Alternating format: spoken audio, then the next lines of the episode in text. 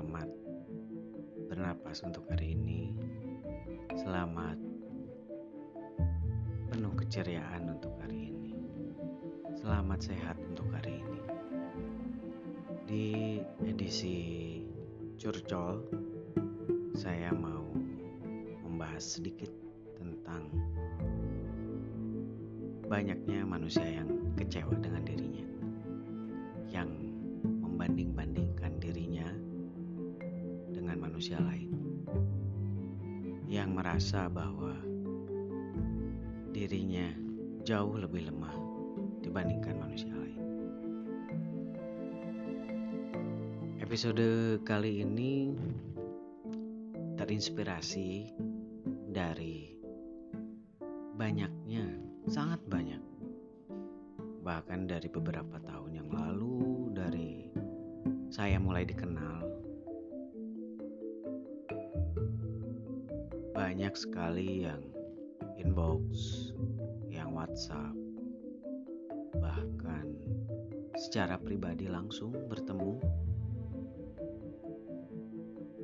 dari semua rata-rata, tapi tidak semua ya. Selalu muncul pengungkapan bahwa dirinya merasa tidak lebih baik dari orang lain dari sisi mana pun. Namun, sebelum saya membahas, sebelum saya diskusi tentang sudut pandang saya khususnya mari kita dengarkan dahulu sponsor yang mau lewat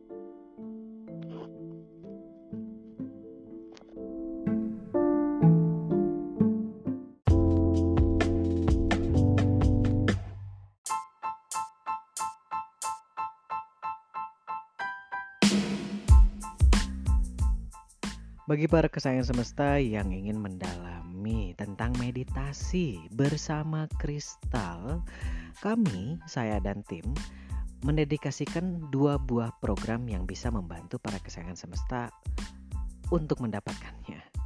Jadi untuk program pertama, namun ini masih basic, yaitu Crystal Self Potential Manifestation bersama saya.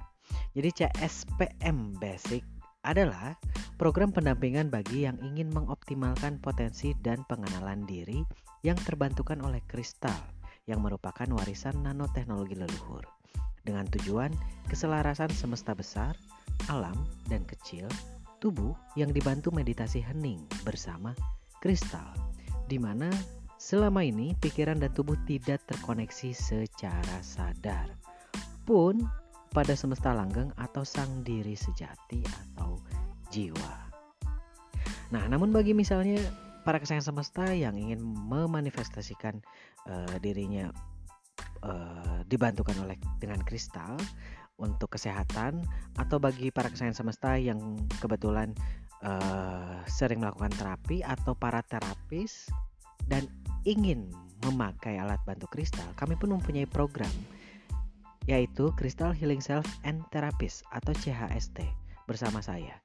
Jadi program ini adalah pendampingan bagi pasien atau terapis yang ingin mengoptimalkan kristal yang merupakan warisan nanoteknologi leluhur sebagai alat bantu penyembuh, penyembuhan kesehatan fisik dan non fisik. Dengan tujuan sehat dan selaras dengan semesta besar, alam dan kecil, tubuh yang dibantu meditasi hening bersama kristal. Serta saya pun akan membantu pendampingan untuk keselarasan frekuensi dan vibrasi tubuh secara optimal agar menghasilkan ketenangan luar dan dalam yang kemudian bisa berpengaruh pada pengaplikasian hidup di keseharian. Info lebih lanjut dari dua program yang kami tawarkan ini bisa langsung menghubungi PR di 087737996757 atau ke email kaziotor@gmail.com.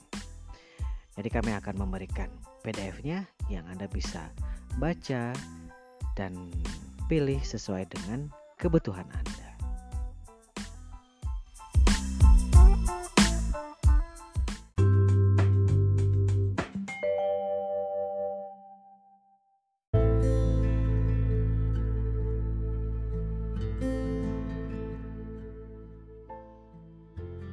Di episode curcol kali ini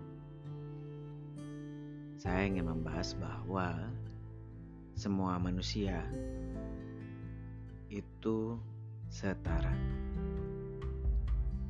Pasti para kesayangan semesta sudah sering mendengar kata ini dan terkesan biasa. Tapi untukku tidak. Sangat tidak. Beberapa tahun ini saya memang dikenal bersyukur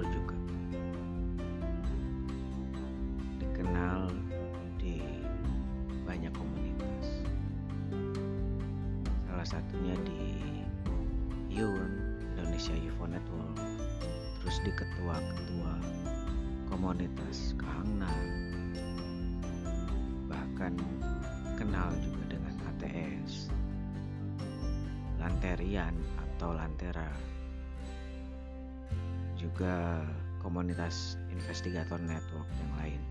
Pokoknya banyak. Termasuk Turangga Seta pun saya akhirnya bisa berkenalan dengan ketuanya, Mas Timi. Dengan berkenalan di dunia yang mengenal meditasi, yang mengenal spiritual, yang mengenal peradaban leluhur, how ancientnya zaman dulu, peradaban Nusantara khususnya. Akhirnya dipertemukan dengan orang-orang yang fokus mencari jati diri. Hampir semuanya begitu. Dan entah entahlah apakah uh, saya terlihat sudah menemukan saya tidak tahu tapi saya pun sedang menuju ke sana. Dari banyak penemuan-penemuan pencapaian-pencapaian pribadi khususnya kesaksian sendiri pun akhirnya banyak sharing dengan yang lain. Termasuk termasuk benar-benar melihat benar-benar merasakan bahwa seluruh makhluk itu benar-benar setara. Terlepas dari berbagai kemampuan manusia. Dari sana saya mulai menyadari bahwa setiap manusia punya potensi.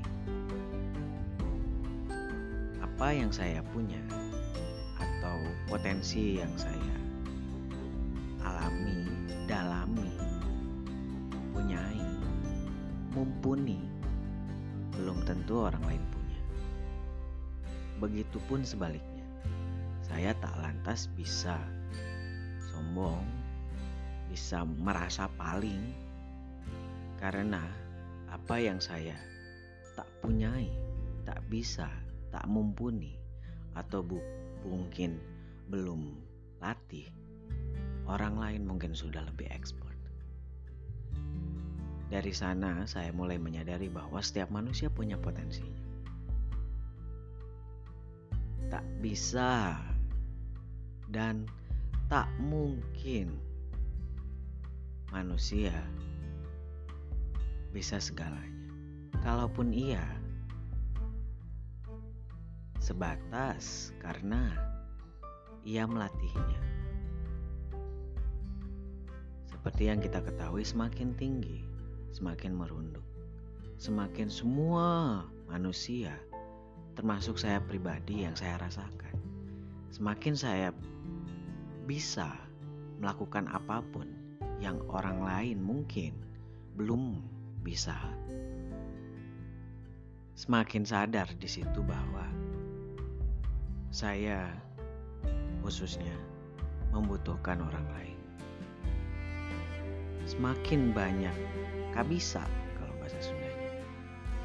Semakin paham bahwa kita membutuhkan orang lain.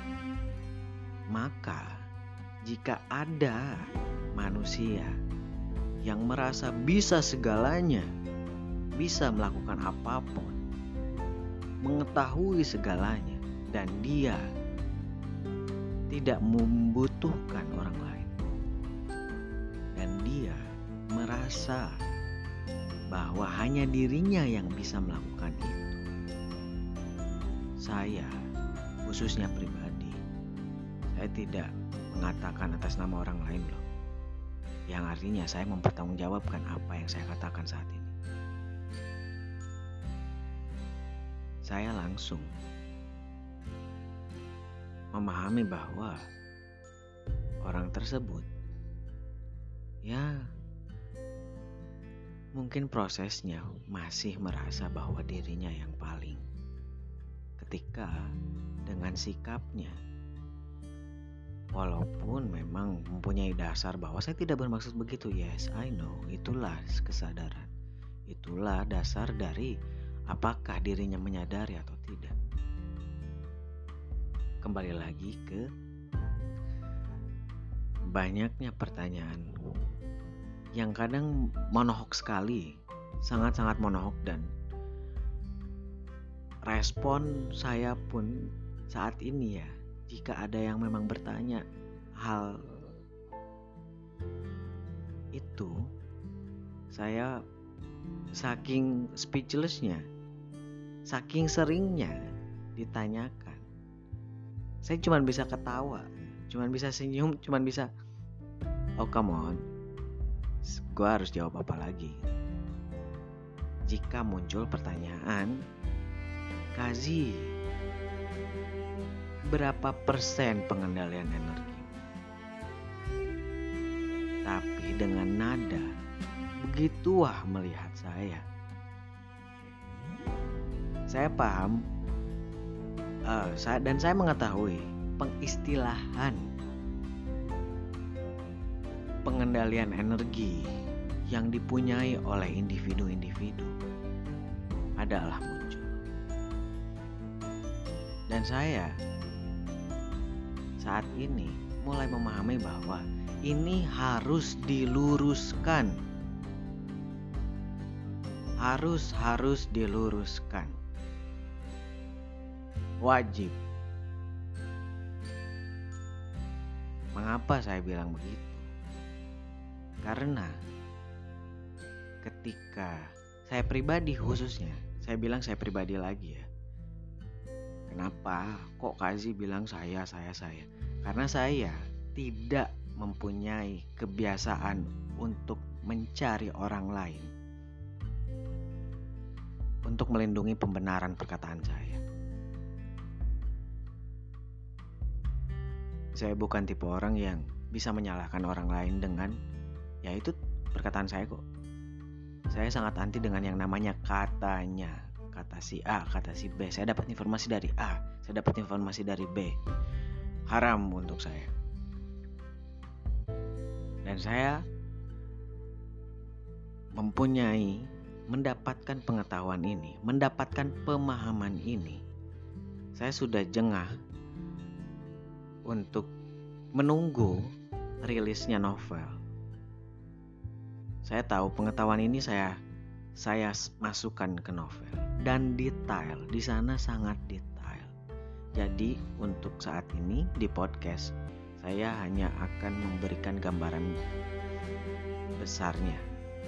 Tapi untuk detailnya kok bisanya apa yang nanti saya paparkan Anda bisa baca buku The Gamers of Galaxian dari buku pertama. Mengenda, mengenai mengenai pengendalian energi manusia itu saya jadi bingung harus meluruskannya dari mana. Muncul ke saya, saya tidak tahu awalnya seperti apa mulai pengistilahan ini dan bersumber dari mana. Sumber-sumbernya, core-nya, core to the core. Saya entah dari mana awalnya. Dan mendapatkan kesimpulannya entah dari mana. Jadi saya belum bisa valid soal ini. Hanya saya ingin meluruskan apa yang telah tersebar Mengapa saya harus meluruskannya? Karena dengan efek seperti ini, efek jangka panjang, manusia, orang-orang yang akhirnya curhat pada saya secara pribadi langsung bertemu. Secara japri jalur pribadi, message Instagram, Telegram atau inbox uh, apa Facebook. Semuanya akhirnya merujuk pada uh, apa namanya merendahkan diri sendiri gitu loh. Dan kesul uh, yang bikin saya greget adalah saya mulai kesulitan untuk mengangkat mengangkat effort dirinya karena sudah terpatok sudah terpakem bahwa saya hanya manusia dua setengah persen what the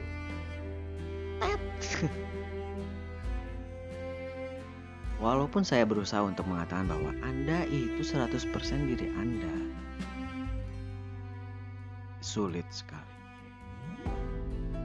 Entah kenapa, tapi saya paham bahwa saya mau ingin mau ingin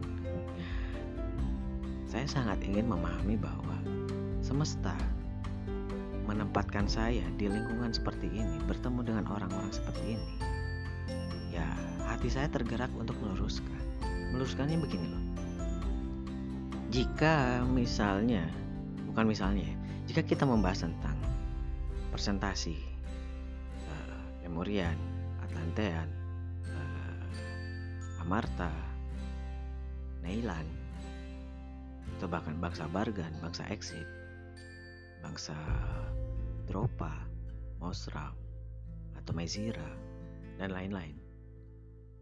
Kita uh, bagi yang memahami, bagi yang mengetahui, memahami belum tentu uh, tahu belum tentu memahami ya.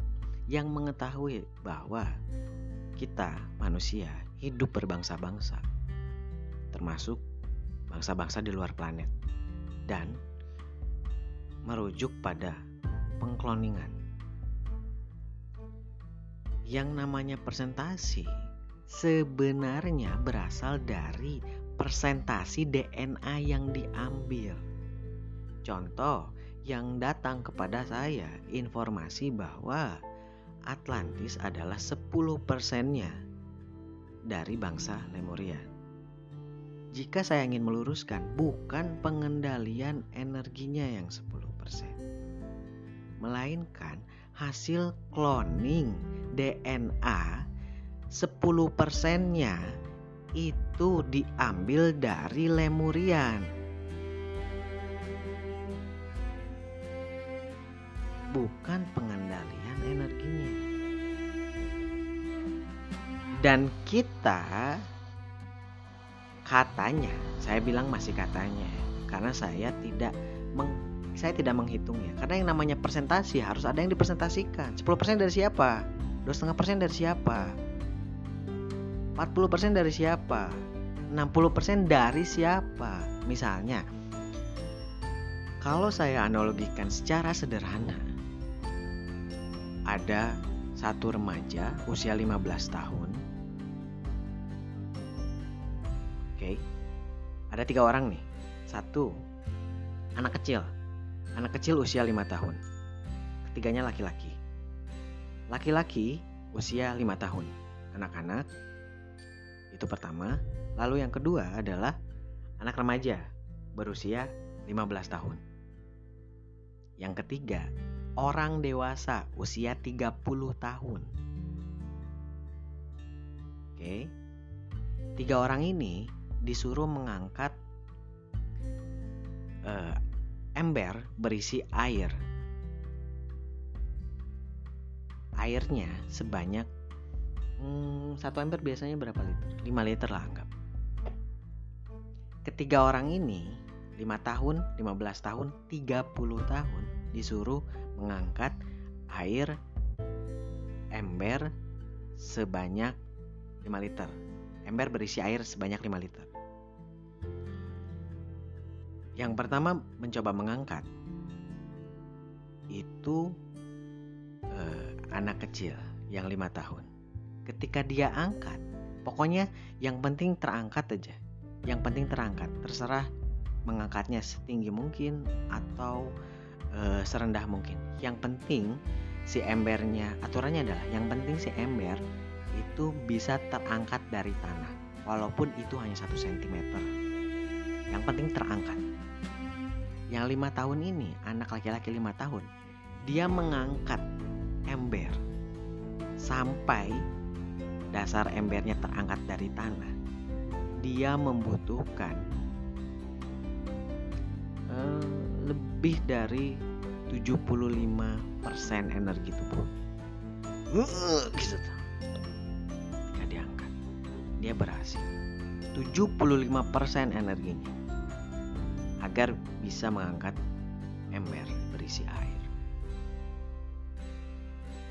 Dan yang kedua, percobaan kedua, anak 15 tahun.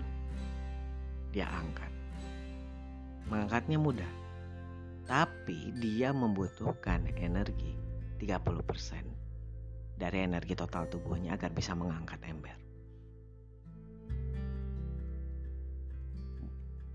Percobaan yang ketiga, laki-laki dewasa usia 30 tahun tentu terangkat embernya. Dan dia hanya membutuhkan 5% dari energi tubuhnya. Dari contoh pengibaratan yang saya paparkan tadi, coba Anda perhatikan perkataan saya.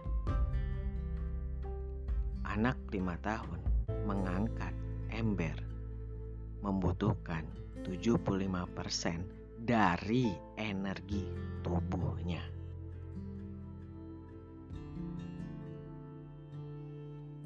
Anak 15 tahun membutuhkan energi 30% dari energi tubuhnya. Orang dewasa membut yang berusia 30 tahun membutuhkan 5% dari energi tubuhnya. Yang diangkat masih beban yang sama. Jika orang dewasa mengolok-olok anak kecil yang lima tahun, apakah itu fair karena hanya bisa mengangkat karena bisa mengangkat air berisi ember lebih dari separuh energi saya cuman bisa 5% kok angkat kok kamu harus 75% it's not fair. Pembagian persentasi berdasarkan orang di luar diri itu tak ada yang ada saya saya sering uh, apa menanyakan balik. Ah saya mas cuman dua setengah persen mungkin kurang. Dari siapa? Sekian persen pengendalian energimu yang kau klaim bahwa kau hanya punya dua setengah persen perbandingannya dari siapa? Membandingkan dengan siapa? Jika dengan dirimu sendiri aku saya akan bilang itu fair. Bolehlah kau hanya kau bilang hanya meng, hanya mengeluarkan pengendalian energimu dua setengah persen dari dirimu sendiri. Itu fair. Namun yang namanya manusia namanya kesadaran apakah adil jika membandingkan diri dengan orang lain? Bahkan membandingkan dirinya dengan orang lain yang lebih yang dipandang lebih lemah. Dan soal pengkloningan, sekian persen, si bangsa ini sekian persennya dari ini, sekian, bangsa ini sekian persennya dari ini. Itu pengkloningan DNA, bukan pengendalian energi. Semata pengendalian energi itu kembali kepada bagaimana diri Anda melatih diri Anda. Yang saya menjelaskan di buku bahwa jika misalnya kita lahir lemah katakan tak bisa mengangkat ember bahkan usia 30 tahun angkat ember aja ngos-ngosan dan kita melatihnya artinya kapasitas pengendalian energi kita pun naik. Tidak berdasarkan ras bangsa, tapi berdasarkan individumu. Lu mau apa enggak? Dan jika misalnya kembali lagi, saya tarik lagi soal DNA, presentasi DNA. Yang namanya tubuh manusia, yang namanya cloning, saya ambil contoh.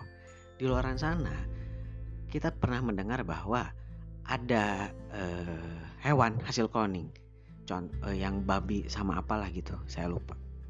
Kita ambil contoh lah yang simpel. Misalnya, saya mau mengkloning antara babi dan monyet. Ingin menyatukan dua ras tersebut. Yang namanya pengambilan cloning, pengambilan DNA, saya tidak mungkin mengambil 50% DNA saya babi yang saya cloning. Saya ambil babi, 50% anjing. Ketika saya bilang 50 per, uh, mengkloning anjing dan babi, apakah 50% 50% kan tidak. Coba Anda googling yang namanya pengkloningan misalnya mengkloning dua hewan ini tentu misalnya 25% babi hanya bisa ngambil 25%. 30 nya uh, anjing. Artinya 30 sama 25 itu totalnya 55%. Baru 55% artinya 45% sisanya adalah gen yang lain, campuran yang lain.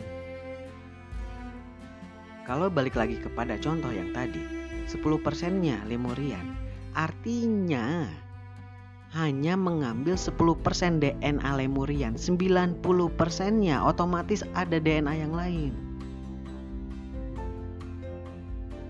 Karena harus total 100%.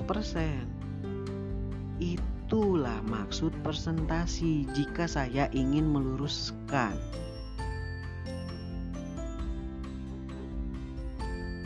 Memang ada yang bilang ya itu perbandingannya dengan Adam. Adam yang? Oke 10 persennya Adam. Ya berarti 90 persennya ada yang lain kan? Itu DNA, DNA-nya. Kemudian 40 persen. Oke 40 persen mendekati DNA si tanda kutip Adam ini. Yang mengkloningnya. Berarti 60 persennya itu DNA yang lain mungkin bangsa Dropa, bangsa Mezira atau bangsa Grey mungkin reptilian. Kalau misalnya kita mau membaca, membuka, membuka mata, membuka hati, membuka pikiran, open your mindset. Baca hasil penelitian-penelitian para sains saat ini aja lah. Ketika kita membuka, ada hasil penelitian yang mengungkap DNA manusia itu ada presentasinya. Memang ada presentasi. Di, di darah gen manusia itu ada amfibi. Ada gen reptil. Itu masuk ke kita. Gen reptil aja kita ada. Kita tuh reptilian. Sekian persennya ada dan tiap orang presentasinya berbeda tergantung dari gen bukan dites berdasarkan lu bisa matahin batu sampai hancur apa enggak bukan itu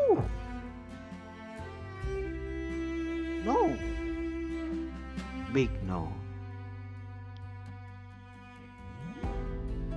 itu yang saya greget ingin luruskan karena jika fokus kepada hal ini. Kapan Anda, para kesayangan semesta yang disayangi oleh semesta, Anda lahir karena Anda diutus oleh semesta. Anda semua adalah sang utusan, masing-masing adalah sang utusan. Karena Anda diutus untuk lahir.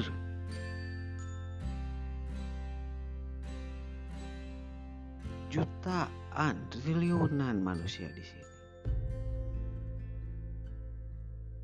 Jangan hanya karena pengetahuan yang Anda sendiri ragu, yang Anda sendiri susah buktikan, tapi Anda percayai justru membuat diri Anda merasa rendah. Untuk apa pengetahuan tersebut jika membuat diri Anda tidak mengenal 100% diri. Untuk apa?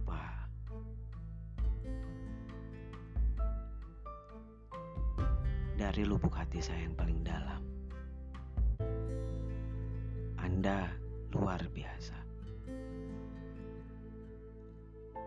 Yang mendengarkan saya saat ini, Anda adalah makhluk yang luar biasa. Kenali diri Anda. Anda 100% diri Anda.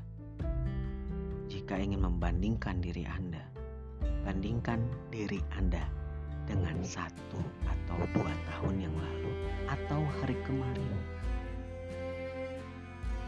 Bandingkan dengan diri Anda yang saat ini. Apakah menjadi lebih baik versi Anda atau tidak? itu baru namanya perbandingan presentasi. Jika Anda ingin membandingkan kemampuan physically semata, bandingkanlah dengan diri Anda sendiri. Jangan sampai dengan membandingkan atau dibandingkan oleh orang lain. Anda merasa rendah diri, anda merasa, oh saya lemah. Kazima bisa begini. Jujur, sekuat tenaga pun saya mengangkat mereka bahwa mereka adalah 100% potensi dirinya. Dan potensi mereka yang pernah coret padaku gitu. Ada yang kemampuannya yang saya tidak bisa misalnya. Mereka kesulitan untuk mendapatkan kepercayaan diri dan kalaupun misalnya saya selalu melakukan, bukan misalnya sih, saya selalu melakukan. Andai kata saya bisa melakukan A dan orang tersebut bisa melakukan A, saya lebih baik menyerahkan pekerjaan yang memerlukan skill A tersebut terhadap orang yang membutuhkannya. saya lebih baik dikatakan lu nggak bisa ngapa-ngapain it's okay yang penting potensi lu gue masih banyak potensi yang lain yang bisa gue asah. Karena kita puzzle. Kita semua saling membutuhkan. Saya membutuhkan anda semua. Dan tak dapat dipungkiri anda pun membutuhkan saya. Kita saling membutuhkan. Yang kita tidak tahu koneksinya berada di mana. Kita lihat saja semesta memberikan arahan. Jikalaupun misalnya kita mendapatkan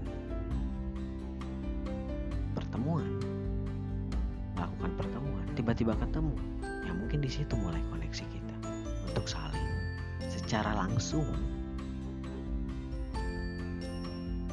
Anda 100% diri Anda. Jangan pernah mau dibanding-bandingkan dengan bangsa lain, apalagi individu yang lain.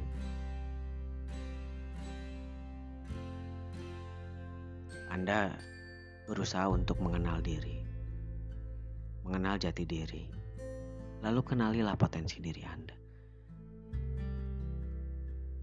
Ingin mengenal diri, tapi terus merendahkan diri sendiri, membandingkan, membandingkan, membandingkan terus dengan orang lain. Bagaimana diri Anda mau keluar jika ternyata terus dibanding-bandingkan, terus merasa direndahkan? Kenali diri Anda, sayangi diri Anda.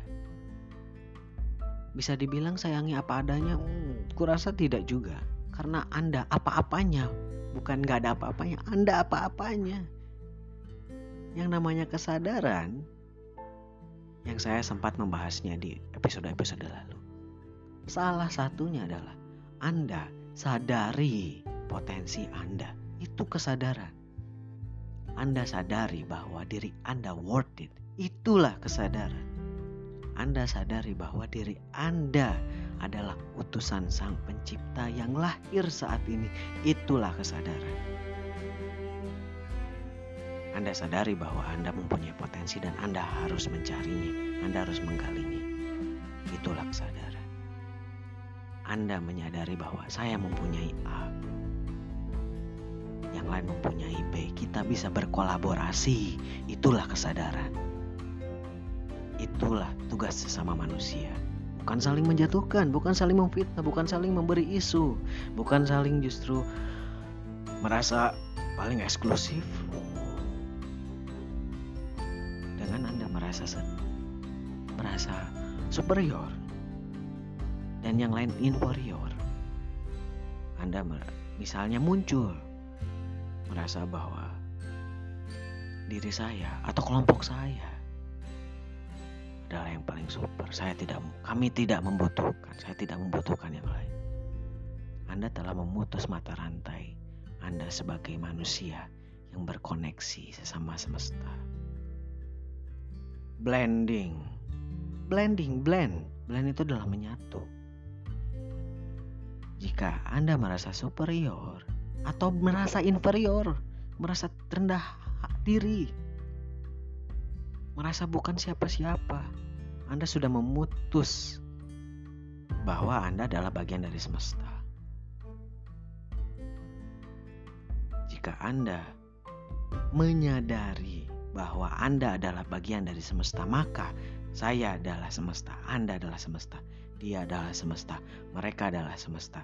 Hewan adalah semesta, langit adalah semesta, tanaman adalah semesta, planet bumi adalah semesta, seluruh makhluk adalah semesta itu sendiri. Anda adalah semesta, maka kita adalah satu.